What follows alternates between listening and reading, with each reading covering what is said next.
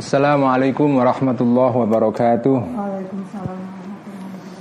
Bismillahirrahmanirrahim. Alhamdulillahirabbil alamin wassalatu wassalamu ala asyrafil anbiya'i wal mursalin sayyidina wa habibina wa maulana wa qurrati a'yunina Muhammadin وعلى آله وأصحابه ومن تبعهم بإحسان إلى يوم الدين. رب اشرح لي صدري ويسر لي أمري واحلل عقدة من لساني يفقه قولي. رب زدنا علما وارزقنا فهما. آمين يا رب العالمين. أما بعد إلى روح نبينا وشفينا محمد صلى الله عليه وسلم وإلى رواف الأنبياء والمرسلين وإلى رواف الأنبياء الأولياء والشهداء والصالحين وإلى رواح أموات العلماء والمؤلفين والمصنفين خصوصا إلى روح مؤلف هذين الكتابين. حجة الإسلام أبي حامد الغزالي قدس الله سره ونور ضريحه وأعاد علينا من بركاته وإلى أرواح أموات المسلمين والمسلمات والمؤمنين والمؤمنات خصوصا أرواح آبائنا وأمهاتنا وأجدادنا وجداتنا. ومشايخنا وأساتذتنا وإخواتنا وأخواتنا وأصدقائنا. غفر الله ذنوبهم وستر عيوبهم ويعلي درجاتهم شيء لله لهم الفاتحة. أعوذ بالله من الشيطان الرجيم. بسم الله الرحمن الرحيم. الحمد لله رب العالمين. الرحمن الرحيم. مالك يوم الدين. إياك نعبد وإياك نستعين. اهدنا الصراط المستقيم. صراط الذين أنعمت عليهم غير المغضوب عليهم ولا الضالين. آمين. بسم الله الرحمن الرحيم. قال المؤلف رحمه الله تعالى ونفعنا به وبعلومه في الدارين. آمين. ربي يسر وأعين. Al-Mungkith Minad Dolal halaman 70, eh, 87 Kita membaca bagian yang berkaitan dengan kritik Al-Ghazali terhadap jalan kebenaran ya Torikul Haq yang ditempuh oleh kaum batiniyah alias eh, para pengikut Syiah Ismailiyah ya. Walhasilu ya. Paragraf terakhir walhasilu walhasilu uh, dan kesimpulannya ya. Walhasilu dan uh, hasil akhirnya kesimpulannya. Pokoknya kesimpulan setelah saya kaji saya teliti saya pelajari ajaran pendapat-pendapat yang tertulis maupun yang dikatakan oleh para ulama-ulama Syiah Ismailiyah kesimpulannya walhasilu dan kesimpulannya annahu sesungguhnya hal berikut ini dhamir sya'an la hasila. Tidak ada sesuatu yang yang penting atau la hasila tidak ada hasil. Tidak ada kesimpulan yang tidak ada poin yang penting ya indahum bagi mereka itu. Wala ta'ila dan tidak ada faedah likalamihim bagi pendapat-pendapatnya para uh, pengikut Syiah Ismailiyah ini jadi intinya pokoknya pendapat para uh, ulama Syiah Ismailiyah ini tidak terlalu banyak manfaatnya karena bisa dipatahkan secara mudah sekali. Ya tentu saja karena Al Ghazali ini sedang mengkritik para pengikut Syiah Ismailiyah tentu ya nadanya sangat apa ya nadanya sangat polemis ya polemis ya kalau jenengan baca kitabnya beliau yang saya ceritakan kemarin ya Al Mustadhiri atau uh, Fadhaihul Batiniyah itu di sana diceritakan banyak sekali tentang apa, debat dan uh, respon dan kritik secara detail dari Al Ghazali terhadap Syiah Ismailiyah. Nanti di sini kita akan membaca ringkasan uh, tanggapan Al Ghazali terhadap Syiah Ismailiyah yang ditulis dalam bentuk tanya jawab. Menarik sekali sebetulnya. Nanti kita akan baca. Walau lasu unusratis sadiqil jahili ya. Walau lasu unusratis sadiqil jahili dan seandainya tidak karena jeleknya bantuan seorang teman al jahili yang bodoh. Maksudnya kalau seandainya tidak ada tanggapan yang itu terlalu lemah, terlalu jelek dari teman-teman saya sendiri yang bodoh dan tidak menguasai betul tema mengenai Syiah Ismailiyah ini ikut-ikutan mengomentari tapi nggak punya ilmu Sehingga akhirnya malah justru membantu orang-orang Syiah Ismailiyah malah bukan bukan mematahkan argumen mereka, tanggapan mereka justru membantu mereka. Ya. Seandainya walau lasu unus roti sedikil jahili, seandainya tidak karena jeleknya pertolongan teman-teman sendiri sesama ulama sunni ya, al jahili yang bodoh laman tahat maka tidak akan sampai tilkal bid'atu bid'ahnya. Tadi Syiah Ismailiyah ma'adhu'fiyah beserta lemahnya bid'ah ini. Padahal lemah pendapatnya itu tapi gara-gara dipopu ditanggapi oleh orang-orang yang tidak kompeten akhirnya jadi jadi rame jadi populer. Maka pendapat mereka sampai ilah darajati kepada derajat seperti ini yaitu populer sekali dan diketahui oleh orang banyak dan seterusnya. Jadi ini menandakan bahwa pada saat Al Ghazali ini ini adalah kesaksian historis ya dari Al Ghazali yang dari sini kita bisa bisa apa ya menyimpulkan bahwa pada abad ke-9 ini 9 dan 10 Masehi itu memang pengaruh Syiah Ismailiyah itu memang besar sekali. Dan mungkin kelompok di luar Sunni yang agresif sekali mengembangkan dan menyebarkan dakwahnya itu mungkin ya Syiah Ismailiyah ini. Syiah Isna Asyariyah belum terlalu menonjol ya. Tapi yang paling menonjol adalah uh, Syiah Ismailiyah. Bahkan sampai mereka berhasil mendirikan negara itu. Karena itu ancamannya itu real ya. Uh, apa ancamannya itu tidak tidak tidak tidak fiktif tapi real sekali. Karena itu Al Ghazali biasa kan ada seorang sarjana atau seorang intelektual ini mungkin teman-teman yang mengalami masalah ini akan tahu ya setiap pemikir setiap sarjana terutama pemikir setiap pemikir itu pasti punya tanda kutip musuh bayangan imaginary opponent jadi punya uh, al-khosmul mutakhayyal ya.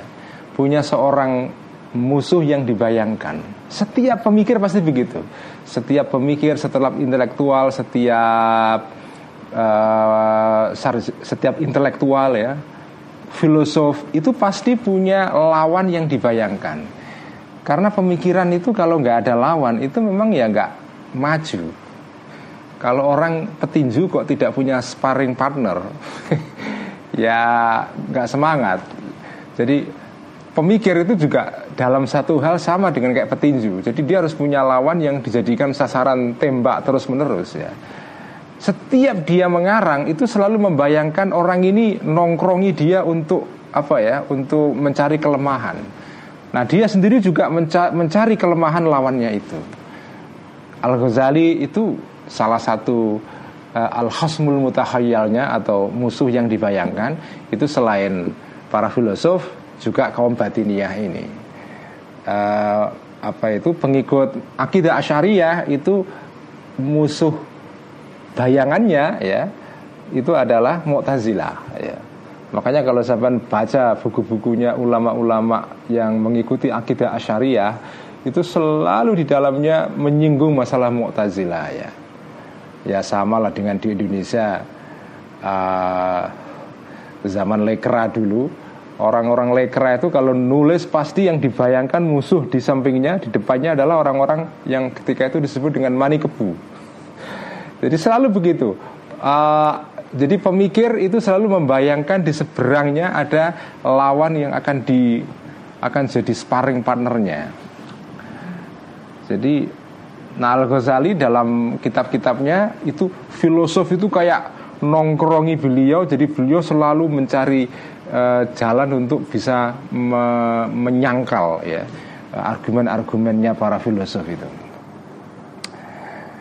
Walakinna syiddatal walakinna syiddatal ta'assubi. Tetapi karena kuatnya ta'assub fanatisme fanatisme di antara para ulama sunni sesama madhab dengan Imam Ghazali tapi karena kurang kompeten dan hanya bermodalkan ta'asuf fanatisme da'at mendorong Syiddatut ta'asub tadi Adzabina kepada orang-orang yang membela Andil haki terhadap kebenaran Mendorong apa? Ta'at Na'aluknya ila kepada fi'il tadi ta'at Mendorong ke mana? Ila tatwili an-nizai Itu ala pesantren begitu Jadi kalau ada huruf jer Partikel uh, yang disebut dengan apa itu preposisi ya di dengan ke e, kepada itu ya itu namanya huruf jar kalau dalam bahasa Arab preposisi ya itu selalu dia setiap huruf jar itu punya ta'alluq ya.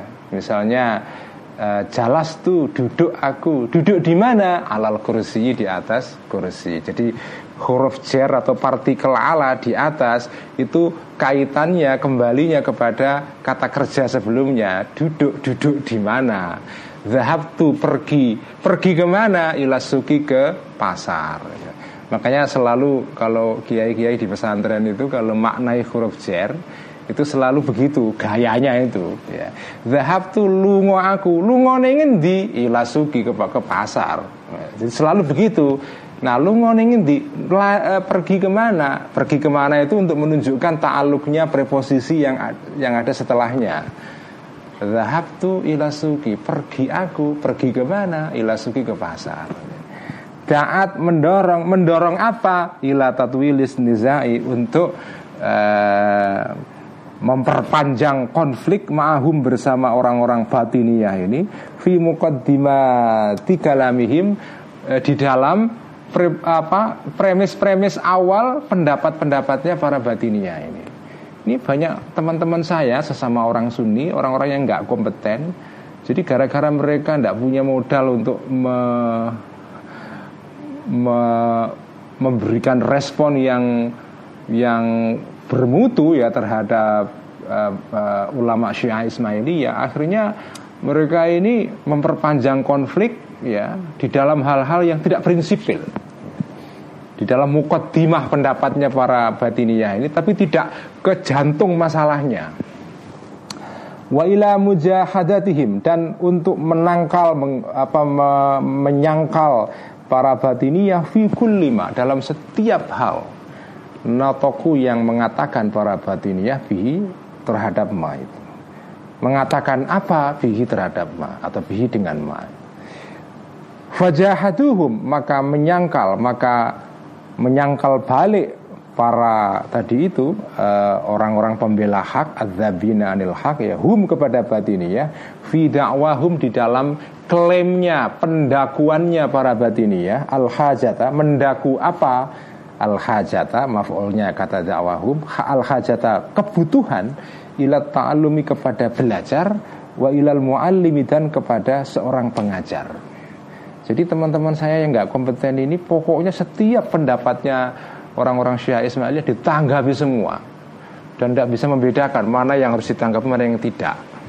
Setiap yang diomongkan ditanggapi. Ini ini juga sekaligus dari ini ya dari keterangan ini kita bisa belajar. Sampai kalau lagi diskusi, lagi debat itu jangan semua pendapat lawan kamu kamu tanggapi. Ya, jangan pilih mana pendapat yang ah ini kalau istilah sekarang ini noise, ini voice. Ini suara yang benar-benar memang harus ditanggapi. Ini noise, ini hanya berisi aja, nggak penting ini. Jadi harus dibedakan antara voice dengan noise. Ya. Voice itu suara yang memang ada harganya, harus ditanggapi. Noise itu berisi yang nggak ada maknanya, hanya bikin rame-rame saja.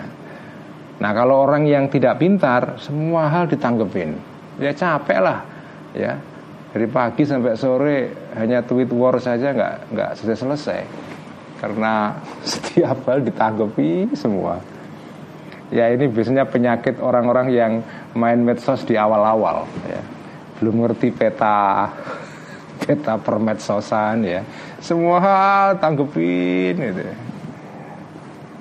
Ada itu beberapa selebriti di, di medsos yang kayak gitu ya. Semua hal tanggepin. Ya mungkin lagi nggak ada kerjaan jadi semua ditanggepin semua ya jadi jadi misalnya mereka apa ya menyangkal atau mengkritik me, menolak pandangan para Syiah Ismailiyah bahwa orang itu butuh seorang muallim, seorang guru tapi dalam pengertian imam yang maksum. Jadi kembali kepada keterangan yang sudah saya jelaskan kemarin ya.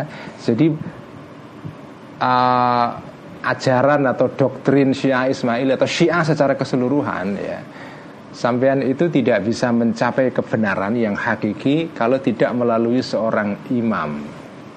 Ya. Tidak melalui seorang yang e, merupakan pemimpin imam tapi imam yang merupakan keturunan ahlul bait, keturunan keluarga kanjeng Nabi. Kalau sampean tidak punya imam, ya Anda nggak bisa mencapai kebenaran. Jadi kebenaran itu kebenaran yang hakiki sumbernya adalah dari seorang imam yang maksum ya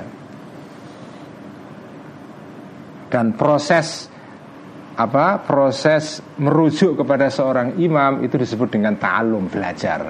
Jadi ini ta'alum belajar bukan dalam pengertian yang kita kenal selama ini belajar di sekolah, belajar di apa, kampus enggak. Belajar dalam pengertian sampai mengambil sesuatu dari seorang muallim, eh, pengajar, guru, tapi guru yang maksum, yang tidak mungkin salah.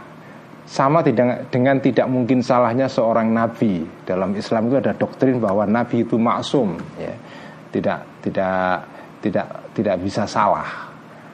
Nah imam-imam di dalam Syiah itu juga sama. Doktrin Syiah adalah imam ahlul bait ya 12 imam kalau di dalam Syiah Ithna Asyariyah atau 7 imam dalam Syiah uh, Ismailiyah ya itu uh, maksum ya, sama dengan nabi Nah sampean harus merujuk ke sana. Jadi itu namanya mu'alim itu itu. Makanya mereka disebut sebagai ta'limiyah, kelompok ta'limiyah. Kelompok yang berpandangan bahwa kebenaran itu bersumber dari pengajaran seorang imam yang maksum. Jadi di sini ta'lim bukan ta'lim dalam pengertian ta'lim di musola kayak di Betawi ta'lim, bukan itu. Itu ta'lim yang bukan dipahami oleh kelompok Syiah ya. Jadi nah ini ini ini juga di pendapat seperti ini dijadikan bahan perdebatan antara teman-teman saya yang tidak kompeten tadi itu eh, dalam konflik dan polemik mereka terhadap para pengikut Syiah Ismaili ya padahal ini isu yang tidak terlalu prinsipil ya, dalam pandangan Al Ghazali. Wa da'wahum dan di dalam pendakuannya para batiniyah annahu sesungguhnya keadaan berikut ini dhamir sya'an la yasluhu tidak patut tidak pantas kullu muallimin setiap muallim, setiap guru. Jadi pandangan kaum Syiah ya se tidak semua orang pantas jadi muallim. Balla buddha sebaliknya harus min muallimin dari seorang guru maksumin yang terjaga dari kesalahan. Guru yang infallible, yang nggak mungkin salah. Dalam Katolik kan juga ada ajaran tentang paus yang infallible kan infallibility of Pope ya. Jadi Katolik itu punya ajaran yang agak mirip dengan uh, apa di dalam uh, Syiah ya, yaitu bahwa pemimpin agama tapi yang dalam pengertian imam ya yang maksum ini itu juga sama infallible, tidak mungkin salah ya. Wazaharat dan muncul hujjatuhum uh, hujjahnya, argumennya orang-orang batiniyah fi idharil hajati di dalam menampakkan di dalam memunculkan dalam menampakkan kebutuhan atau dalam membuktikan kebutuhan ila ta'alumi kepada belajar dari seorang imam maksum wa ilal muallimi dan kepada seorang muallim yang maksum ya. Wa dan lemah ya. Qaulul mungkirina pendapatnya orang-orang yang ingkar yang yang melawan yang menyangkal doktrinnya Syiah Ismailiyah ini fi muqabalatihi di dalam menghadapi hujah di dalam menghadapi uh, kau uh, fi di dalam menghadapi al-madhkur min hujjatil batiniyah. Jadi pendapatnya para batiniyah tadi itu. Faktar maka terbujuk bidzalika karena itu jamaatun beberapa orang. Wazannu dan menyangka para jamaah ini anna zalika sesungguhnya tadi itu lemahnya argumen pembanding dari kalangan Sunni yang tidak kompeten tadi itu ya sebelum Al Ghazali itu adalah mingkuwati madhabim karena kuatnya madhabnya kaum batinia wa fil madhabi dan lemahnya madhab al mukhalifi yang melawan lahu atau yang berseberangan lahu terhadap madhabihim. Walam yafhamu dan tidak paham para jamaah tadi orang-orang ini anna bahwa sesungguhnya tadi itu yaitu e, du'fu qaulil mungkirina fi muqabalatihi. Itu karena li du'fi nasiril haqqi karena lemahnya penolong kebenaran wajah lihi dan bodohnya nasirul haq fitoriki tentang jalannya hak. Intinya apa? Ini menarik sekali ya bagian ini. Menarik sekali. Jadi tadi kan Al Ghazali mengatakan bahwa banyak orang-orang sebelum saya yang mengajukan argumen untuk menyangkal doktrin-doktrinnya orang-orang Syiah Ismailiyah, terutama doktrin yang terkait dengan pentingnya adanya imam atau muallim yang maksum. Pentingnya kita mengikuti mereka, ta'allum atau belajar dari mereka, bukan dari orang-orang dari guru-guru yang tidak maksum. Ustadz, kiai itu bukan maksum. Jadi kita harus punya guru yang maksum yaitu imam. Ya. Nah ini sudah banyak para ulama-ulama sebelum saya yang menanggapi pendapat itu Tapi memang terus terang karena mereka nggak menguasai secara baik uh, hujah-hujahnya Syiah Ismailiyah Jadi tanggapan mereka itu lemah. Akhirnya mereka kalah debat. Karena kalah debat orang-orang yang tidak mengerti duduk persoalan Mengira bahwa akidah Syiah Ismailiyah itu benar. Karena buktinya apa? Yaitu kiai-kiai itu kalah debat. Jadi kalah debat dipakai sebagai standar atau parameter benar tidaknya sebuah pendapat itu. Padahal kalah debat itu ya kalah debat saja bukan karena pendapat orang yang menang itu benar. Ya karena yang yang musuhnya ini atau lawannya yang menyangkal pendapat kelompok yang salah ini ya itu ya nggak mampu nggak mampu mengajukan argumen yang kokoh saja. Jadi ini menunjukkan bahwa ini menarik ya. Jadi menariknya adalah bahwa kalah debat itu tidak berarti menunjukkan benarnya sebuah pendapat. Jadi kalau ada orang kalah debat belum tentu pendapat orang yang kalah itu salah. Ya boleh jadi pendapatnya benar tapi dia tidak mampu mempertahankan saja. Sama dengan di pengadilan kan. Di pengadilan ya kan kalau ada seorang kalah kasus di pengadilan, lawyer kalah membela eh, apa itu kliennya di pengadilan, itu bukan berarti yang kalah itu ya betul-betul salah. Boleh jadi ya dia tidak mampu menyusun apa ya eh, pembelaan yang kuat.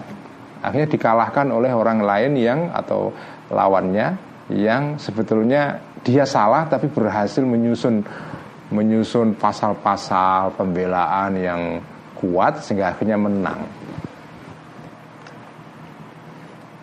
Karena itu Al Ghazali uh, supaya membedakan diri dari ulama-ulama lain yang sebelum beliau, beliau ingin membantah doktrin Syiah Ismailiyah dengan cara yang apa itu kokoh argumennya sehingga uh, tidak mudah dipatahkan. Ya. Tapi yang pelajaran yang paling penting di sini yaitu argumen orang yang kalah debat belum tentu pendapatnya salah. Yang menang debat belum tentu pendapatnya benar. Belum tentu loh ya, bisa jadi benar juga, tapi belum tentu itu benar atau salah. Itu. Nah, wah ini yang menarik. Al Ghazali kemudian menempuh argumentasi yang agak sedikit beda dengan ulama sebelumnya. Apa itu? Nah, ini kita akan baca. Balis sawabu. Sebaliknya yang benar itu. Nah, ini, ini Al Ghazali sekarang lagi mendudukkan masalah ini. Balis sawabu balik atau sebaliknya yang benar itu adalah al-i'tirafu, mengakui bil hajati terhadap kebutuhan ila muallimin kepada seorang guru. Jadi kalau mau berdebat dengan Syiah Ismailiyah itu jangan menolak sama sekali ide atau doktrin mengenai pentingnya guru, muallim. Jangan. Oke, kita sepakat guru itu penting ada. Nggak mungkin orang belajar kebenaran tidak ada gurunya. Cuma masalahnya adalah nanti akan dikatakan ya wa annau dan sesungguhnya keadaan berikut ini damirsaan la buddha harus wa an yakunal muallimu dan ada al muallimu seorang guru maksuman itu adalah maksum. Memang betul, saya sepakat. Nah, ini kan menarik ya. Al Ghazali saya sepakat dengan orang-orang Syiah Ismailiyah, guru penting dan guru memang harus maksum, ya, harus terproteksi atau terjaga dari kesalahan. Karena kalau dia salah ya kan nggak ada jaminan kita mendapatkan ajaran yang benar. Jadi harus mencari kebenaran dari seorang guru yang tidak mungkin salah, ya, yang maksum. Ya. Cuma guru saya ini, nah ini baru mulai dibalik ini. Oke, saya setuju dengan kamu bahwa guru penting dan guru harus maksum, tetapi huwa guru tadi itu Muhammadun adalah kanjeng Nabi Muhammad Shallallahu Alaihi Wasallam. Saya setuju, cuma guru saya Nabi Muhammad. Nabi Muhammad itu masum. Ya. Jadi di sini baru baru dibalikkan ya. Jadi ini namanya teknik berdebat yang uh, apa ya disebut dengan uh, apa taslim. Taslim itu artinya memberi konsesi. Jadi dalam berdebat itu ada satu teknik ya Al Ghazali ini kita tahu beliau ini muridnya Imam Haromen atau Al Juwaini seorang ulama agung yang menjadi gurunya Al Ghazali selama hampir mungkin 15 tahunan beliau belajar bersama Al Juwaini ini. Dan Al Juwaini itu imam besar yang ahli debat. Ya mengarang buku tentang tata cara berdebat yang sangat terkenal sekali ya Al Jadal ya. Um, nah Al Ghazali itu muridnya Imam Al Juwaini. Jadi beliau ngerti teknik-teknik berdebat itu. Nah salah satu teknik berdebat itu adalah konsesi.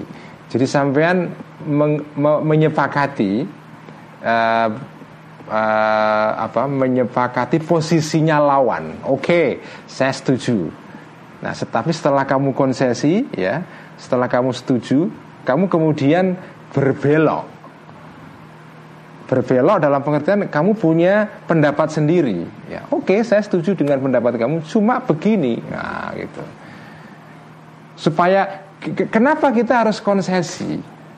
Kenapa kita harus menyepakati posisi lawan? Kadang-kadang dalam berdebat ya, itu kalau kita tidak memberikan konsesi kepada lawan itu diskusi berhenti. Ya Mike Jagger aja berhenti ya. Kalau berhenti gak, udah nggak bisa ngomong dong. Jadi kadang-kadang supaya permainan ini bisa berjalan terus kadang-kadang bola itu harus dikasih ke lawan kasih aja cuma nanti eh, setelah itu eh, disiapkan teknik-teknik untuk merebut kembali ya kan itu biasalah dalam pertandingan bola, dalam pertandingan catur itu kan begitu. Seolah-olah musuh dikasih kesempatan untuk makan bidak kita, tapi setelah makan dimakan kembali. Dan dia nggak ngerti teknik, nggak ngerti jebakan itu. Jadi ini kayak kayak jebakan Batman. Jadi kita berdebat dengan cara memberikan kesempatan kepada musuh untuk untuk untuk makan kita tapi padahal itu jebakan itu. Oke, saya setuju bahwa imam itu eh, bahwa guru itu penting dan guru itu harus maksum. Cuma nah baru kamu makan bidaknya lawan. Cuma guru yang maksum itu dalam pandangan saya bukan imam kamu itu, tapi imamnya para imam yaitu Nabi Muhammad Wasallam. Nah itu namanya jebakan Batman itu. Nah sekarang bagaimana kalau para apa kalau pihak Syiah Ismailiyah menjawab begini bagaimana? Nah ini fa'in qalu. Nah ini kita di sini nanti akan belajar debat ya, belajar cara berdebat ala uh, ulama klasik ya. Kalau mau dipraktekkan juga bisa nanti apa ini ini inilah contoh konkret cara yang disebut dengan uh, apa ya dengan uh, etika debat adabul adabul khilaf ya. Etika berdebat. Jadi debat itu biasa, cuma ya debat bukan debat kusir ya. Faida qalu, maka jika mengatakan orang-orang batinia itu, huwa mayitun, huwa utawi atau huwa kanjeng Nabi itu mayitun sudah meninggal. Nabi sudah meninggal, bagaimana kamu bisa berguru kepada kanjeng Nabi? Kalau imamku kan masih hidup. Nah, fanakulu maka mengatakan kaku wa muallimukum dan guru kalian yaitu para Syiah Ismailiyah gaibun itu hilang artinya tidak meninggal cuma uh, apa itu mengalami kegaiban jadi hilang nanti akan datang kembali menjelang kiamat. Di dalam akidah doktrin Syiah ya Syiah Ithna Asyariyah Syiah 12 itu punya doktrin bahwa imam maksum ya yang ke-12 itu hilang. Yang disebut dengan al-ghaibah ya hilang. Yaitu Imam Hasan al-Askari. Uh, dia itu hilang. Jadi jadi pengikut Syiah itu yakin bahwa or, imam yang ke-12 ini itu ghaib hilang atau dalam bahasa Inggris itu istilahnya adalah occultism ya uh, hilang dia hilang tidak meninggal hilang uh, mirip dengan doktrinnya orang-orang Katolik atau orang Kristen ya. Nabi Isa itu kan uh, apa diangkat ke langit. Setelah disalibkan diangkat ke langit ya. Setelah mati, hari ketiga dibangkitkan, naik ke langit, nanti akan turun menjelang hari kiamat dan kemudian akan uh, menegakkan keadilan. Itu yang disebut dengan doktrin Mahdiisme di dalam ayat. Nah, jadi sama. Jadi itu imam imam ke-12 nanti akan akan muncul kembali di dunia pada menjelang kiamat. Kalau Syiah Ismailiyah imam ke-7 yaitu ya. Imam ke-7 yaitu Ismail bin Ja'far Sotik Nanti akan imam ke-7 ini yang akan muncul Jadi imam ini tidak meninggal tapi hilang al-ghaibah Nanti akan muncul kembali setelah kiamat eh, Menjelang kiamat ya. Jadi kalau mereka mengatakan kanjeng Nabi kan sudah meninggal, maka saya akan menjawab, imam kamu juga sudah nggak ada. Ya, walaupun tidak meninggal, tapi kan goib nggak ada. Sama-sama dong. Nabi Muhammad meninggal, imam kamu, guru kamu yang maksum itu juga nggak ada juga. Itu jawaban Al Ghazali. Nah, kalau dijawab lagi begini, begini gimana? Faidah qalu, maka jika mengatakan para batininya itu, muallimuna qad 'allama du'ata. Muallimuna guru kami yaitu imam ke-12 kalau Syiah Asyariyah atau imam ke-7 kalau dalam Syiah Ismailiyah, guru kami kota alama sudah mengajar ad-du'ata para dai-dai. Jadi makanya dalam istilah Syiah, Isna, Syiah Ismailiyah itu ada istilah ad-da'i Ad-da'i itu adalah ini istilah teknis ya, bukan da'i itu artinya dai kita dalam pengertian di Jakarta ini dai bukan itu. Ad-da'i itu adalah istilah khusus dalam Syiah eh, Ismailiyah yang artinya adalah orang-orang yang menjadi uh, apa ya, orang-orang yang diberikan hak atau diberikan akses kepada kebenaran, kepada ilmu dari para imam ini mereka lah yang menjadi semacam naib atau pengganti imam selama imam ini ghaibah hilang sebelum muncul kembali nanti menjelang kiamat jadi mereka adalah khalifahnya atau pengganti sementara deputinya imam yang ghaib ini itulah eh, namanya ad-da'i ya kalau dalam istilah kita ya ulama ya tapi mereka punya istilah ad-da'i. Jadi muallim kami atau guru kami, imam kami yang maksum itu sudah mendelegasikan kepada para dai ad-du'a. Wabatha dan menyebarkan muallimuna hum kepada ad-du'a ya fil biladi di semua negara. Mereka disebarkan ke berbagai negara dan menyebarkan ajaran-ajaran Syiah Ismailiyah. Ya. Wahwa dan uh, muallimuna ya bahwa dan guru kami itu yang taziru akan menunggu murojaatahum uh, terhadap murojaahnya terhadap um, konsultasinya para doa tadi itu ini ikhtalafu ketika mereka berbeda pendapat. Aw ashkala atau menjadi muskil Menjadi sulit alaihim terhadap doa Para pendakwah tadi Muskilun kemuskilan Jadi imam-imam kami ini itu sudah men mengkader para dai yang disebarkan ke berbagai negara. Dan kalau mereka menghadapi masalah dan tidak bisa menjawab, mereka akan kembali akan merujuk kepada imam ini kalau mereka berbeda pendapat.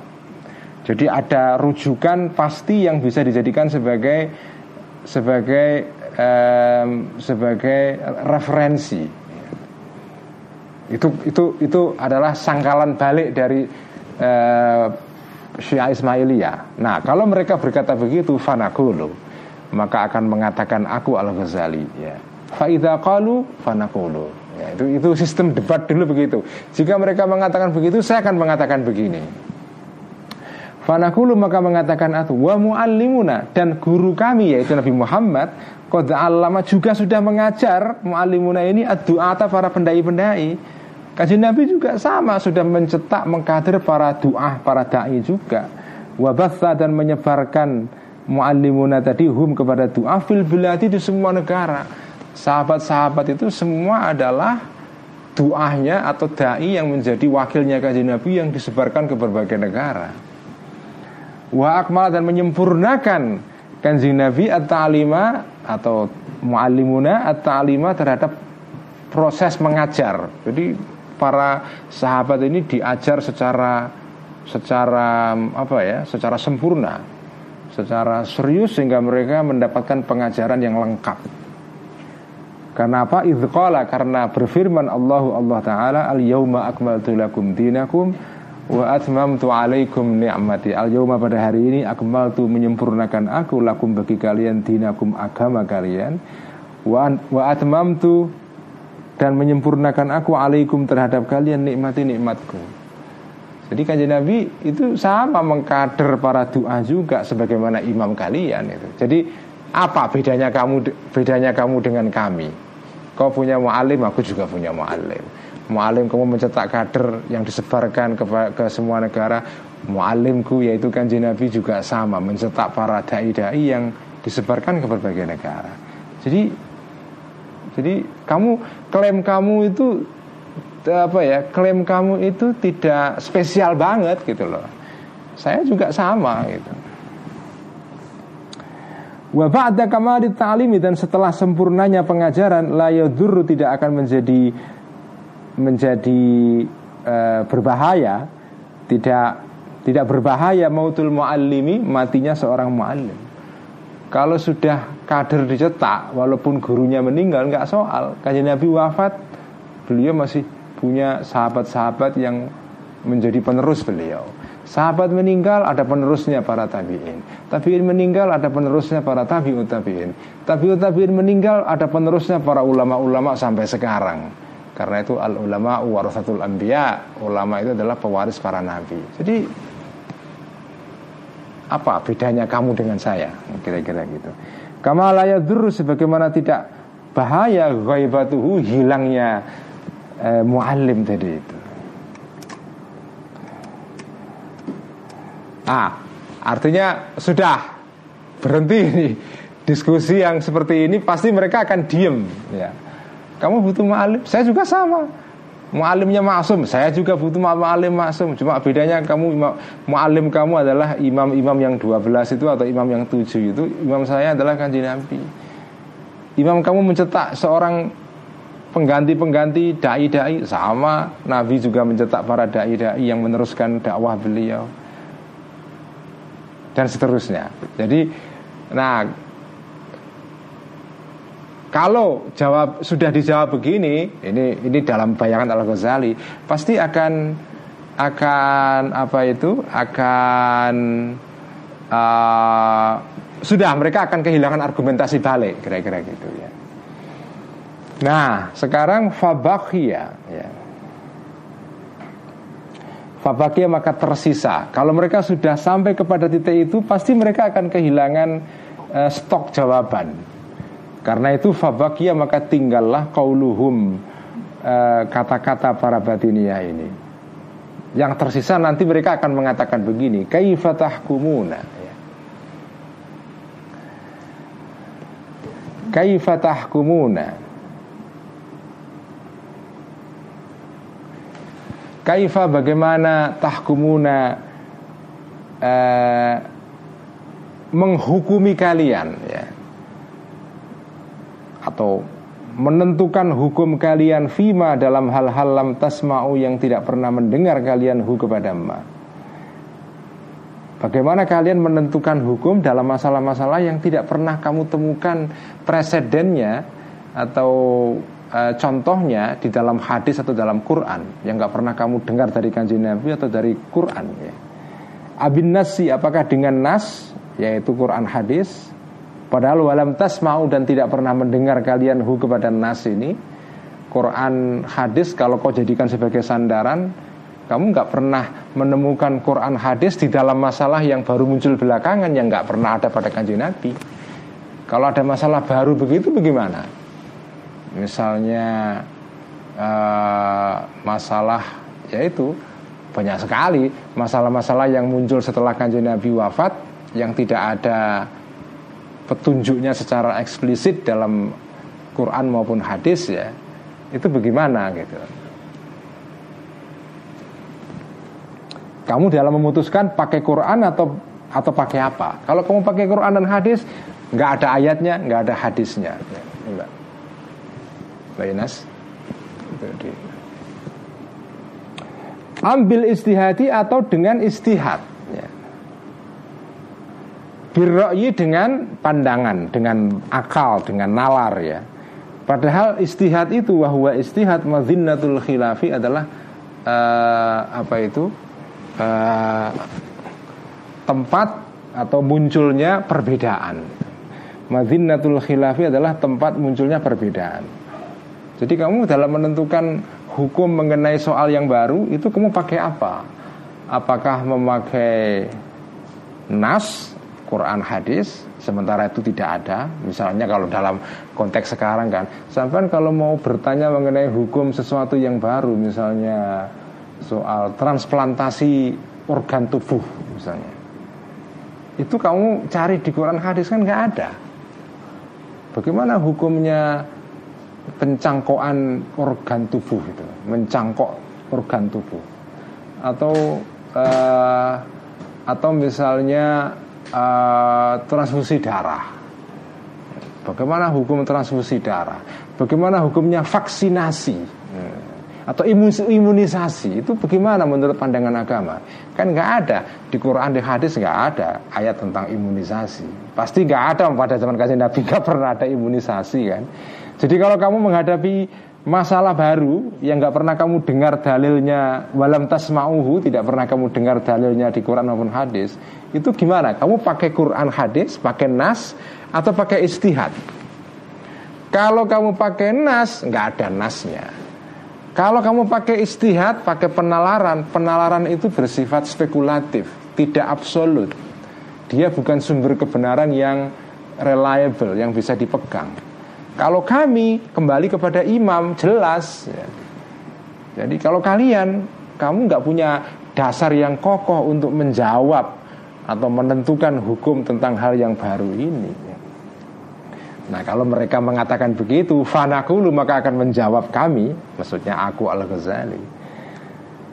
Kalau terjadi seperti seperti yang kamu katakan itu, naf'alu akan melakukan kami, kami para ahli sunnah wal jamaah ini ma sesuatu faala yang melakukan hu kepada ma muadzun sahabat muad sahabat muad yang pernah diutus kanjeng nabi ke Yaman sebagai apa ya gubernur dan sebagai ya pengajar guru dai yang menyebarkan menjadi kiai yang mengajar Islam mengajarkan uh, Quran dan ke, apa, ajaran Islam kepada penduduk Yaman.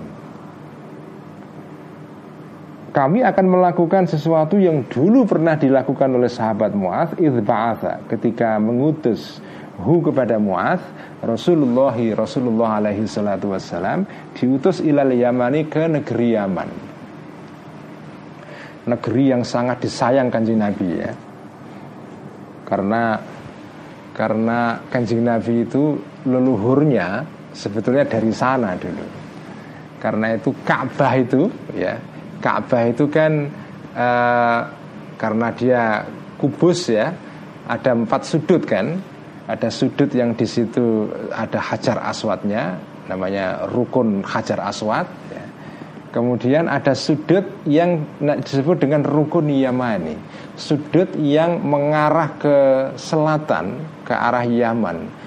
Itu yang sudut yang ada terletak sebelum sudut Hajar Aswad ya. Sampai kalau tawaf apa tawaf mengitari Ka'bah itu kalau sampai ke sudut yang mengarah ke Yaman itu itu biasanya disunahkan untuk melambaikan tangan ya. Seolah-olah bersalaman ya. Istilam rukun yamani sambil berdoa Rabbana atina fid dunya hasanah wa fil akhirati hasanah wa qina adzabannar sampai menuju ke uh, sudut Hajar Aswad ya. Nah, setelah Hajar Aswad nanti ada sudut lain ya.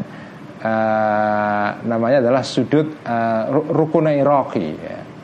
Rukun Irak, nanti setelah itu ada rukun Syami, rukun yang pojok Ka'bah, sudut Ka'bah yang mengarah mengarah ke arah negara Syam yaitu Damaskus di utara ya. Jadi Ka'bah itu ada empat sudut ya, sudut Hajar Aswad, sudut uh, rukun Iraqi, rukun Syami, kemudian rukun Yamani. Ya. Nah Yaman itu itu adalah apa ya? Bumi yang penuh dengan berkah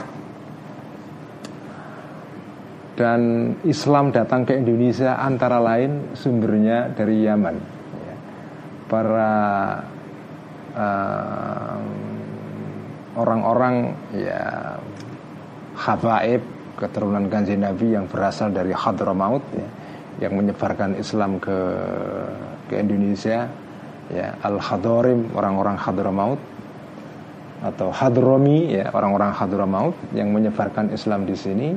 Dan kanjeng Nabi pernah bersabda ngendikon ngendikon ngendikan ya pernah bersabda al hikmatu yamaniyatun wal imanu yamaniyun. Jadi iman itu berasal dari sana Yaman.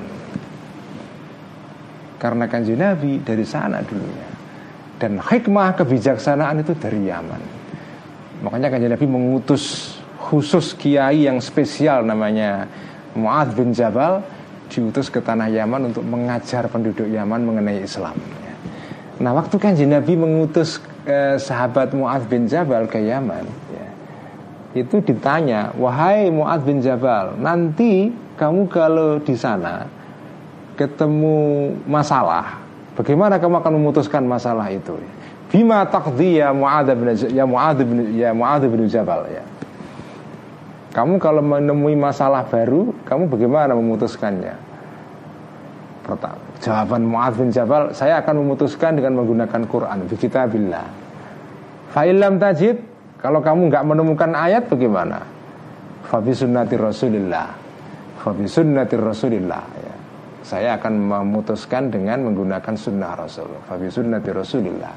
Kalau kamu tidak menemukan hadis juga, ya kata beliau, kalau nggak ada ayatnya, nggak ada hadisnya, bagaimana? Jawaban Mu'ad bin Jabal ini keren sekali. Makanya ini memang sahabat istimewa jadi ketika dites oleh kanjeng Nabi untuk bagaimana memutuskan masalah seandainya ada masalah baru beliau menjawab ajdahidu ro'i kalau saya tidak menemukan ayat maupun hadis ya saya beristiad kanjeng Nabi dengan akal dan penalaran saya. Kemudian kanjeng Nabi senang dengan jawabannya sahabat Mu'ad ini dan beliau mengatakan bahwa uh, apa itu uh, kalau tidak salah jawaban kajian Nabi itu alhamdulillahilladzi apa itu waffaqa rasulah rasulillah ya. Puji bagi Allah yang telah menolong Yang telah menunjukkan kebenaran kepada utusannya Utusan Allah Yaitu sahabat Mu'ad bin, bin Jabal itu ya. Nah Kata Al-Ghazali, saya akan mengikuti teladan yang ditunjukkan oleh sahabat Mu'adz bin Jabal ini. Ya. Ketika diutus kanjeng Nabi menuju Yaman, wa amara dan memerintahkan kanjeng Nabi hu kepada Mu'adz an yahkuma untuk menghukumi sesuatu binasi dengan nas teks yaitu Quran hadis inda wujudhi ketika ada nas Wabil istihad dan dengan istihad indah adami ketika tidak ada nas. Kalau nggak ada nas ya istihad. Itulah teladan yang dicontohkan kanji Nabi. Jadi walaupun misalnya istihad itu bersifat spekulatif karena menggunakan akal, akal manusia itu terbatas, relatif, ya ndak apa-apa, wong itu perintahnya kanji Nabi kok. Nah, kira-kira begitu. Itu jawabannya Imam Ghazali kalau ditanya oleh orang-orang Syiah Ismailiyah seperti tadi itu ya. Bal bahkan kama yaf'alu sebagaimana melakukan hu kepada ma ya kama sebagaimana sesuatu yaf'alu yang akan melakukan hu kepada ma du'atuhum para dai-dainya Syiah apa kaum batiniyah ini hal yang seperti itu tadi ya yaitu beristihad kalau nggak ada Quran dan hadis ya itu juga akan dilakukan oleh dai-dai kalian juga. Idza ba'udu ketika jauh para doa ini anil imami dari imam ila aqa yang maksum tadi itu ila aqasil biladi ke negara-negara atau negeri-negeri yang jauh ya. Kalau misalnya doa-doa atau dai-dai kalian yang dikirim para imam kalian itu dikirim ke daerah yang jauh Terus mereka menemukan masalah baru yang tidak ada di Quran, gak ada di hadis dan tidak ada di dalam pendapatnya atau ajarannya imam. Terus mereka mau apa? Apakah harus pulang dulu konsultasi dengan imam yang itu ada di Madinah atau di Kufah jauh banget kan? Membutuhkan waktu mungkin berbulan-bulan untuk menjangkau imam ini. Bagaimana? Ya idlayum kinu karena tidak mungkin hu kepada eh, apa kepada eh, kepada imam ya. Atau kepada sebetulnya rujuknya bukan kepada imam tapi kepada doa ya. tapi domirnya domir mufrad. Nah ini agak muskil kayak begini ini. Idlayum kinu karena tidak memungkinkan hu kepada uh, ya dirujukkan kepada imam juga boleh tapi seharusnya kepada doa. Karena kalau doa itu bentuknya jamak mestinya idla yumkinuhum ya. Atau mungkin ya kita pakai tekniknya guru saya aja kalau menemukan kasus seperti ini domir mufrad rujuknya jamak itu caranya adalah dengan menggunakan kata al-mazkur. Illa idla yumkinu karena tidak memungkinkan hu kepada al-mazkur minat doa. Nah, gitu kan. An yahkuma untuk menghukumi bin nasi dengan cara menggunakan nas. Enggak mungkin. Karena apa?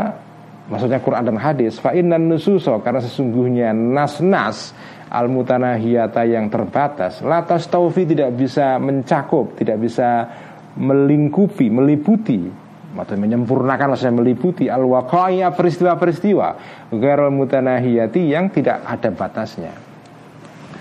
Ini pelajaran penting buat teman-teman ya tentang cara berpikir di dalam proses penalaran dalam hukum Islam. Ya. Ini Al Ghazali bercerita mengenai itu.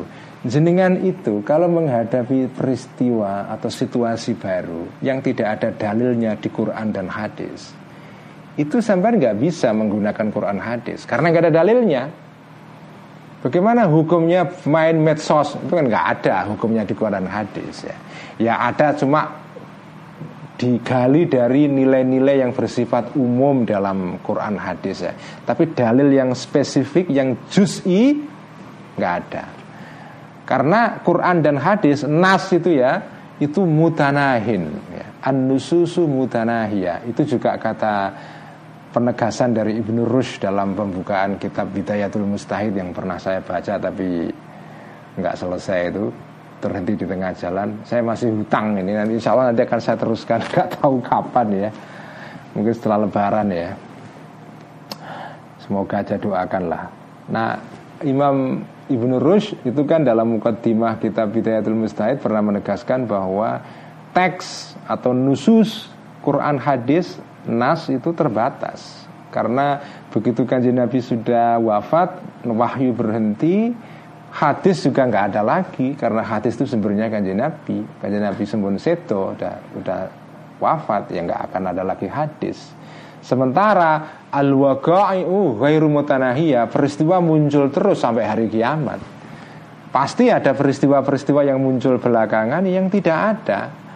Dalilnya di Quran dan hadis Nah, gimana caranya? Nah, itu problemnya di situ ya. Nah, imam-imam eh dai-dai kalian ketika mereka dikirim ke negeri-negeri yang jauh, ketika menghadapi peristiwa yang baru itu juga nggak mungkin menggunakan Quran dan hadis nas karena ya tadi itu nggak ada dalilnya di Quran dan hadis dan juga walayumkin dan tidak memungkinkan hu kepada uh, al-madhkur minat doa tadi. Itu arju kembali fi dalam setiap peristiwa ila baldatil imami kepada negaranya seorang imam. Dia juga nggak mungkin mudik atau kembali ke tempat tinggalnya imam yang itu jauh dari tempat dia yang itu mungkin butuh waktu berbulan-bulan. Ya kita ngomong di sini dalam konteks ketika transportasi masih tradisional kan. Zaman itu kan paling cepat orang kan naik kuda ya tapi kan kuda itu nggak semua orang punya itu. Kuda itu kayak kalau sekarang ya alfat lah ya nggak semua orang punya alfat ya paling jauh punyanya keledai atau onta. Ya kalau sekarang ya Avanza kira-kira gitu ya. Nah kalau naik onta naik keledai butuh waktu berbulan-bulan. Kalau imamnya di Madinah atau imamnya di Kufah ya Terus dai-nya itu dikirim ke kawasan Afrika Utara, Maroko misalnya, tempat ketika itu beroperasi uh, para dai-dainya Syiah Ismailnya itu di daerah Mesir, Maroko, Aljazair, Libya, daerah-daerah situ ya Maghrib itu. Itu dari Madinah berapa ratus kilo itu, jauh banget. Jadi kalau mau konsultasi dengan imam nggak mungkin juga wa an yakta'a dan untuk menempuh ya al madhkur minat doa tadi itu uh, al masafata ya. Uh, jarak yang jauh sekali wayar dan pulang dulu ya. Al madhkur minat tadi itu. Fayakunu maka ada al mustafti orang yang minta fatwa qad mata sudah mati duluan. Yang nanya sudah mati duluan? Dia belum nyampe ke imamnya wafata dan menjadi hilang menjadi tidak ada gunanya al intifa'u mengambil manfaat berujui dengan cara kembali mudik menuju kepada rumahnya seorang imam itu. Jadi intinya pokoknya ya ini anulah ya Al Ghazali sedang berdebat dengan orang ya yang intinya ya sampean itu kalau berhadapan dengan isu baru itu juga nggak bisa merujuk kepada imam karena imamnya juga jauh sekali. Itu dengan pengandaian ketika masih ada imam pada zaman itu. Atau kalau sekarang ya sudah ghaibah, sudah sudah hilang imam itu sedang sedang apa ya? sedang bersembunyi. Nabi wafat, imam bersembunyi, sama saja. Jadi nggak ada rujukan. Terpaksa pasti kalian harus menggunakan istihad juga itu. Kalau kamu kalian memakai istihad menggunakan penaran sama, sama dengan kami juga dong. Jadi apa bedanya? Saya juga menggunakan istihad juga, kalian menggunakan istihad juga ya. Jadi inilah cara Al Ghazali mematahkan argumen para eh, pengikut Syiah Ismailiyah terkait dengan masalah talim ya yaitu pentingnya seorang mualim rujukan yang maksum. Ya. bahwa dalam hal mualim yang maksum ini baik Sunni maupun Syiah Ismailiyah sama nggak ada bedanya. Jadi kalian itu sebetulnya tidak lebih tidak lebih kokoh eh, fondasi kebenaran kamu daripada kami. Kalian punya imam maksum saya juga punya imam maksum yaitu kanji Nabi Kalaupun sampai mendebat kanjeng Nabi kan sudah wafat. Imam kamu kan sudah nggak ada juga. Artinya sama saja. Kalau ada masalah baru tidak ada di Quran Kamu kan juga nggak bisa merujuk kepada imam. Sebagaimana kami juga nggak bisa merujuk kepada kanjeng Nabi Karena sudah wafat. Imam kamu sudah nggak ada. Jadi apa? Ya pakai istihad. Udah pasti nggak terhindarkan. Pakai penalaran. Jadi apa? Sama. Buk-buk kalau orang Jawa bilang itu apa? Buk-buk itu uh, draw apa seri ah seri ya. tie seri ya. Baik, sekian ngaji al-munggith. Mari kita teruskan dengan ngaji ya. Wallahu a'lam bissawab. أعوذ بالله من الشيطان الرجيم. بسم الله الرحمن الرحيم. الحمد لله رب العالمين والصلاة والسلام على أشرف المرسلين سيدنا وحبيبنا ومولانا محمد وعلى آله وأصحابه أجمعين. أما بعد فقال المؤلف رحمه الله تعالى ونفعنا به وبعلومه في الدارين. آمين. ربي يسر وعين Ya halaman 999 Paragraf terakhir. Fa'in kulta Nah ini sama. Al-Ghazali dalam kitab Al-Mungkith maupun dalam kitab Ihya Itu juga metodenya sama. Membayangkan ada orang yang bertanya atau menyangkal. Nah itu kan. Terus dijawab sangkalan itu. Ini kayaknya metode polemik yang sudah kayaknya jarang dipakai sekarang ya. Dan ini sebetulnya ngirit ngirit perdebatan sebetulnya, ngirit ngirit apa ya, ngirit proses bolak-balik. Jadi jadi sampai kalau misalnya berdebat polemik dengan orang itu supaya ngirit ngirit debat ya itu sejak awal kamu sudah mengunci lawan dengan membayangkan posisi-posisinya. Kalau menanti kalian menjawab begini, saya akan punya jawaban begini. Kamu berkata begitu, saya jawabannya begini. Mungkin ada jawabannya begini. Jadi dari awal kamu sudah membayangkan lawan itu akan bergerak ke sana, kamu tutup. Bergerak ke sana, kamu tutup. Bergerak ke sana, kamu tutup.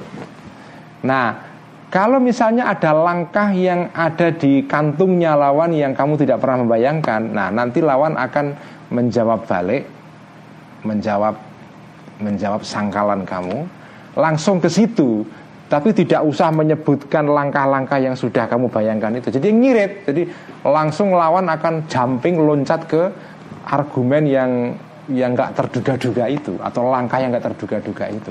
Dengan demikian diskusi bisa diirit, waktunya nggak bertele-tele.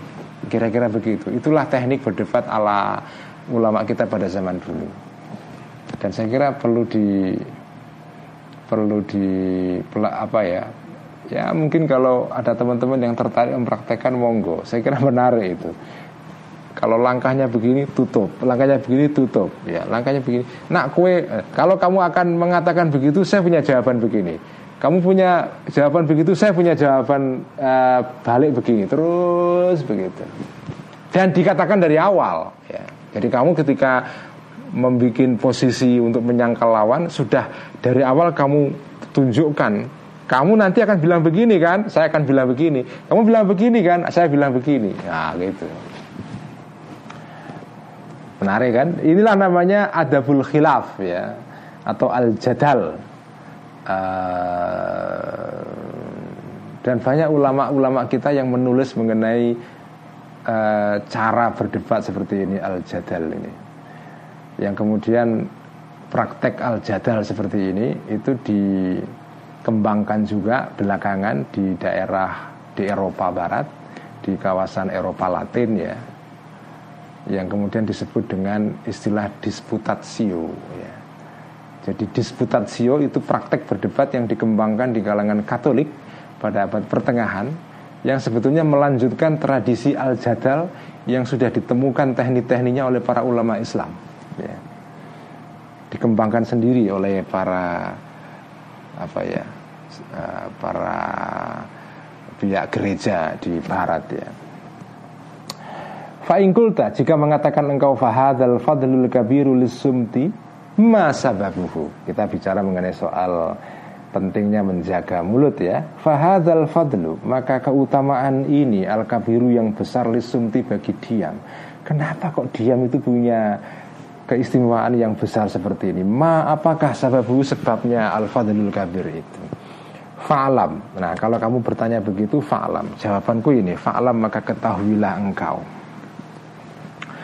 Anna sababahu sebetulnya Sesungguhnya sebabnya Keutamaan bagi asumtu itu adalah kathratu afatil lisani. Banyaknya resiko-resiko mulut minal khoto'i berupa kesalahan. Wal kizbi dan kebohongan. Wal ghibati dan ngerasani ngerumpi ya. Ngomongin orang lain. Wan namimati dan mengadu domba. Wariai dan ria ya, pamer. Pamer itu juga bisa dengan mulut kan? Tidak dengan tindakan saja Tapi dengan mulut juga Pamer buju lagunya Didi Kempot. Wan nifaki dan kemunafikan ya. Wal fuhsi dan kata-kata kotor ya. Wal mirai dan berdebat yang debat kusir itu mira ya. Wal mirai dan debat kusir. Kalau debat yang bermutu itu namanya jadal. Tapi debat kusir yang nggak ada juntrungannya kayak yang terjadi banyak di medsos itu. Itu namanya al-mira. Ya. al-mira. Nah al-mira itu nggak boleh.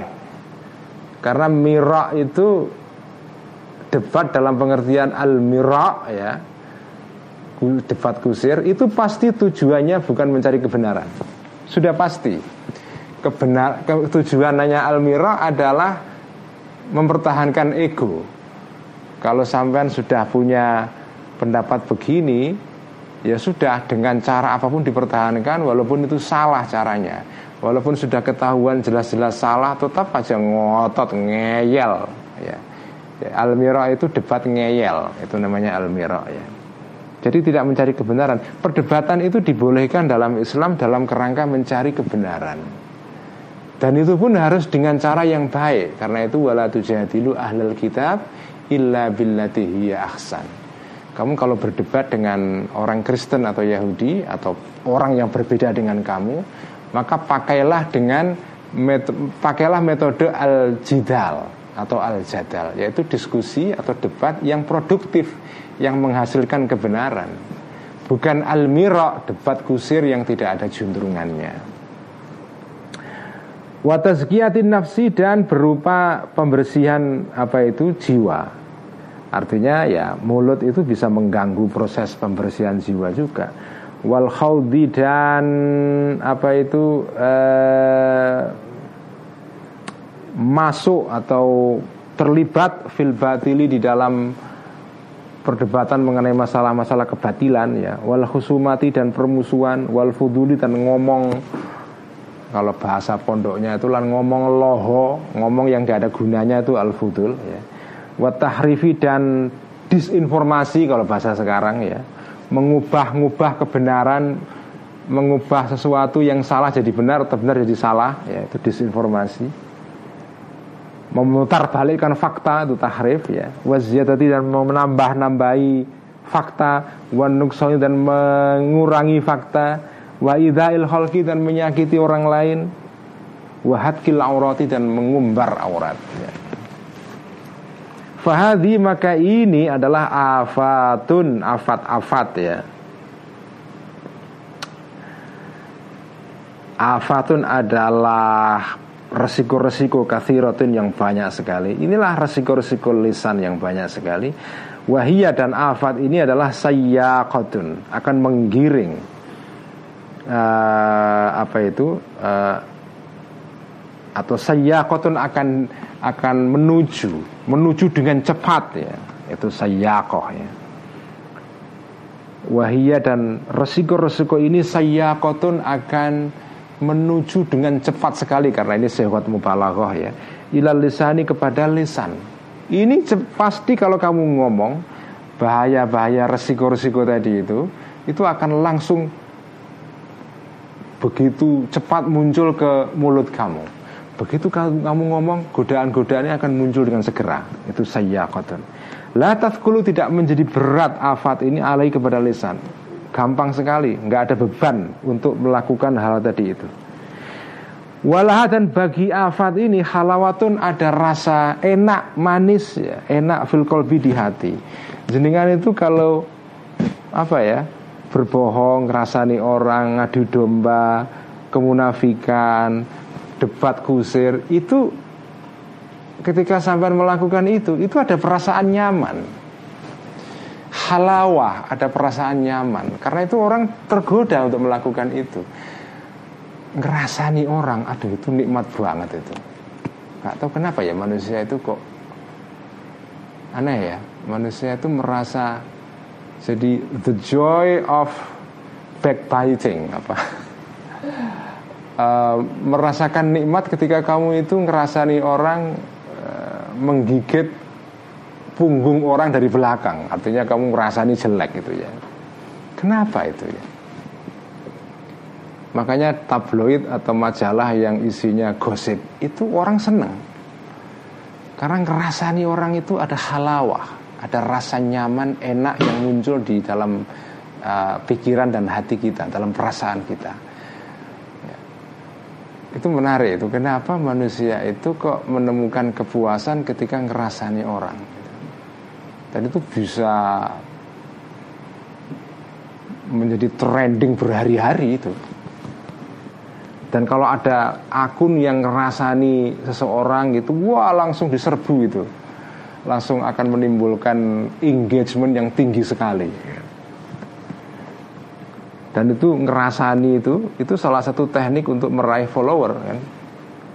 Karena apa? Halawah, halawah dari pihak orang yang ngerasani, halawah dari pihak yang mendengarkan rasan-rasan. Itu dua-duanya. Ya yang kerasani juga merasakan kenikmatan halawah yang mendengarkan rasan-rasan juga menemukan halawah jadi halawah ini dua belah pihak karena itu afat resiko-resiko lesan itu memang enak dilakukan itu wa alaiha dan terhadap afat. Tadi bawah itu dorongan-dorongan motivasi minat tom'i dari tabiat manusia. Ya.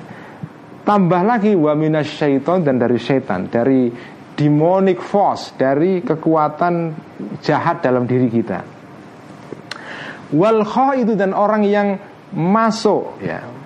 Masuk secara begitu jauh fiha di dalam afat ini qallama yaqdiru atau fiha di dalamnya afat tadi itu afatul lisan qallama yaqdiru sedikit sekali mampu an yumsika untuk mengendalikan uh, al khaid alisan alisannya. Begitu kamu sudah mulai ngerasani, susah untuk nyetop gitu.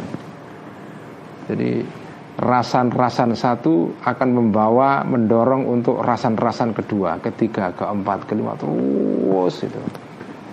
Sampai trendingnya berhenti, udah bosen itu ya. Selama masih trending, udah orang nyari berita itu. Fayatliku maka melepaskan al tadi tuhu kepada lisan bima dengan mengucapkan sesuatu yuhibbu yang dia suka wayakufu dan mengendalikan orang ini hu kepada lisan amma terhadap sesuatu la yuhibbu yang dia tidak suka. Orang kalau sudah ngerasani itu cenderung ngerasani yang jelek. Jadi dia lebih suka ngerasani yang dia suka yaitu kejelekan orang. Kalau ngerasani kebaikan itu cenderung orang nggak punya dorongan nggak suka dia aneh ya manusia ini ya jadi kalau ngerumpiin orang itu bagian-bagian yang di situ ada ada skandal, ada cacat, ada tindakan-tindakan yang dianggap buruk secara publik gitu ya. Oh itu jadi bahan omongan. Tapi kalau orang melakukan kebaikan, ya kadang-kadang dirasani juga, tapi tapi ngerasani kebaikan itu motivasinya rendah dibanding ngerasani yang isinya kejelekan itu. Begitulah tabiat manusia. Nah fa'in nadzalika karena sesungguhnya ini semua Kenapa ya kok begitu manusia itu Ini min midil ilmi Termasuk ilmu yang rahasia Kama sayati yang sebagaimana akan datang Tafsiluhu detailnya Al-ilm ini ya Fafil khawdi Ini semua bagian dari rahasia tentang jiwa manusia Begitulah Natur dan tawatak manusia ini sesuatu yang yang subtil sekali yang hanya bisa diketahui oleh orang yang mempelajari gerak-gerik watak dan jiwa manusia. Orang yang mempelajari psikologi manusia akan tahu ini. Tapi orang yang tidak mempelajari rahasia-rahasia mengenai psikologi manusia, dia nggak ngerti, nggak sadar, nggak sadar mengenai ini semua. Fafil khawdi dan di dalam apa ya menceburkan diri untuk ngomongin hal-hal yang batil itu khotoron ada bahaya. Wafisumti dan di dalam diam salamatun ada keselamatan. Falidhalika karena itulah azumat besar fadilatuhu keutamaannya. Tu pak diam ya besar sekali. Hada dan ini semua ma'ama bersama. Jadi ini adalah sehat istidrok juga ya. Hada ini semua ma'ama bersama sesuatu fihi tambahan lagi kira-kira gitu. Ma'ama bersama sesuatu fi yang di dalam somtu ya. Uh, di dalam diam ini semua ditambah ya. In addition to nah kira-kira itu kalau bahasa Inggrisnya itu ya. Tambahan pula ini semualah yang menjadikan kenapa diam itu besar sekali keutamaannya. Tambahan lagi ma'ahadha ma'ama fihi dalam sumtu min uh, min jam'il hammi ya. Dari um, apa itu ya mengumpulkan niat. Maksudnya kalau kamu diam itu kamu lebih punya konsentrasi yang besar ya. Mengumpulkan niat atau mengumpulkan konsentrasi. Lebih fokus. Wadawamil wakori dan dan langgengnya ketenangan. Kamu akan lebih tenang. Wal farohi dan ril, dan relaksasi lil fikri kepada pikiran. Kamu lebih tenang pikiran kamu rileks karena nggak ada nggak harus tweet war dengan orang lain nggak harus mengalami bully dan segala macam ya. Dan zikir kepada Allah wal ibadati dan ibadah kepada Allah. Wassalamati dan selamat minta biatil qauli dari resiko-resiko ngomong ya tabiah itu artinya resiko ya tabiah itu artinya sesuatu yang muncul setelah sesuatu yang lain. Jadi sesuatu yang menjadi hasil dari pekerjaan. Maksudnya apa? Resiko ya. Minta biatil qauli dari resikonya ngomong. Di dunia baik resiko di dunia ya. Wamin hisabi dan berupa hisabnya uh, apa itu? Uh, asom tu nanti fil akhirati di akhirat. Faqad qala maka telah berfirman Allah Ta'ala ma yalfidhu min qawlin illa ladaihi raqibun atidun. Ya. Ini ayat yang penting sekali ya. Eh, mayal fidu tidak ngomong tidak tidak mengeluarkan eh, apa ngelepeh. Ngelepeh itu apa bahasa Indonesia nya ya? Me, ngelepeh. Me, apa ngelepeh itu ya? Ya mengeluarkan sesuatu dari mulut. Apa itu ngelepeh bahasa Indonesia nya itu ya ma, ya mengeluarkan. Mayal itu tidak mengucapkan seseorang mingkolin berupa ucapan illa ladai kecuali bagi orang ini. Pun ada malaikat yang mengawasi atidun yang selalu siap nongkrongi itu ya. Yang apa? Jadi kemarin ada aplikasi rokib atid katanya. Jadi itulah ya. Itulah uh, keutamaan diam yang luar biasa karena itu uh, baik di dunia maupun di akhirat ya. Karena itu ini semua ya teman-teman ya. Teman-teman semua ini tidak berarti bahwa kita nggak boleh ngomong. Ngomong itu penting. Ngomong bagian dari manusia mela, me, me, merealisasi dirinya. Ngomong itu bagian dari manusia menunjukkan jati diri mencari dirinya. Itu ngomong ya. Cuma ngomong yang seperti apa dulu? Ada ngomong yang fudulul kalam. Ya itu istilahnya Al Ghazali ya fudulul kalam. Ngomong yang yang tidak esensial yang ya, yang nggak penting nggak esensial banget. Tapi kalau ngomong yang penting ya diskusi seminar atau yang ngobrol biasa tapi ngobrol yang walaupun kelihatannya guyon tapi sebetulnya ada sesuatu di situ ya jadi ini juga bukan berarti guyon nggak penting loh ya. Karena guyon itu kalau dilakukan dengan tepat ya, seperti guyon di dengan para kiai-kiai itu guyon kelihatannya, tapi ada hikmah yang mendalam di situ. Makanya ada humor sufi, ya itu kan. Ada humor nabi, ada humor sufi. Humor itu tidak semuanya jelek. Karena humor sufi itu kelihatannya guyon, tapi itu adalah wasilah atau uh, apa itu atau alat ya uh, instrumen untuk menuju kepada hikmah kebijaksanaan pengertian pemahaman pendalaman mengenai satu ajaran disampaikan dengan guyon. Kalau kiai-kiai dakwah banyak guyonnya juga ya.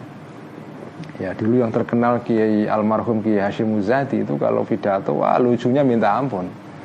Minta ampun lucunya itu Gus Dur kalau pidato ngobrol lucunya minta ampun. Tapi lucunya para ulama itu lucu yang bersifat rohani. Bukan lucu yang biasa. Jadi lucu itu ada lucu yang rohani, ada lucu yang jasmani. Kalau lucu yang rohani itu penting untuk meningkatkan rohani kita. Jadi jadi ini semua tidak berarti bahwa ngomong itu harus stop total ya. Ya tapi kalau jenengan misalnya memilih jalan itu stop total ngomong sebagai jalan spiritual monggo, monggo ya nggak apa-apa. Kalau sampai mampu monggo. Tapi ngomong yang bisa menjadi jalan menuju kebenaran juga ada. Ya. Ini tinggal ini aja lah, tinggal bagaimana niat dan dan cara kita meletakkan. Kalau kita bisa meletakkan ngomong secara proporsional, itu bisa jadi juga jalan spiritual. Tapi kalau tidak bisa, lebih baik mending diam saja. Ya. Sekian ngaji Ihya malam ini sedikit saja karena sudah capek saya habis acara banyak hari ini. Uh, kita tutup sekian Mari kita akhiri dengan membaca Salawat Tibbil Qulub Wasilah supaya kita terhindar dari wabah sekarang ini ya بسم الله الرحمن الرحيم اللهم صل على سيدنا محمد طب القلوب ودوائها وعافية الأبدان وشفيها ونور الأبصار وعلى آله وصحبه وسلم. اللهم صلِّ على سيدنا محمد طب القلوب ودوائها. وعافية الأبدان وشفيها ونور الأبصار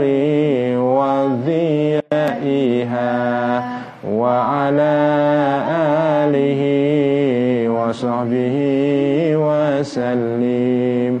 اللهم صل على سيدنا محمد طب القلوب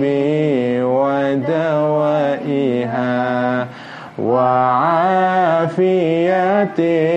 الأبدان وشفيها ونور الأبصار وضيائها وعلى وصحبه وسلم sekian wassalamualaikum warahmatullahi wabarakatuh Waalaikumsalam warahmatullahi wabarakatuh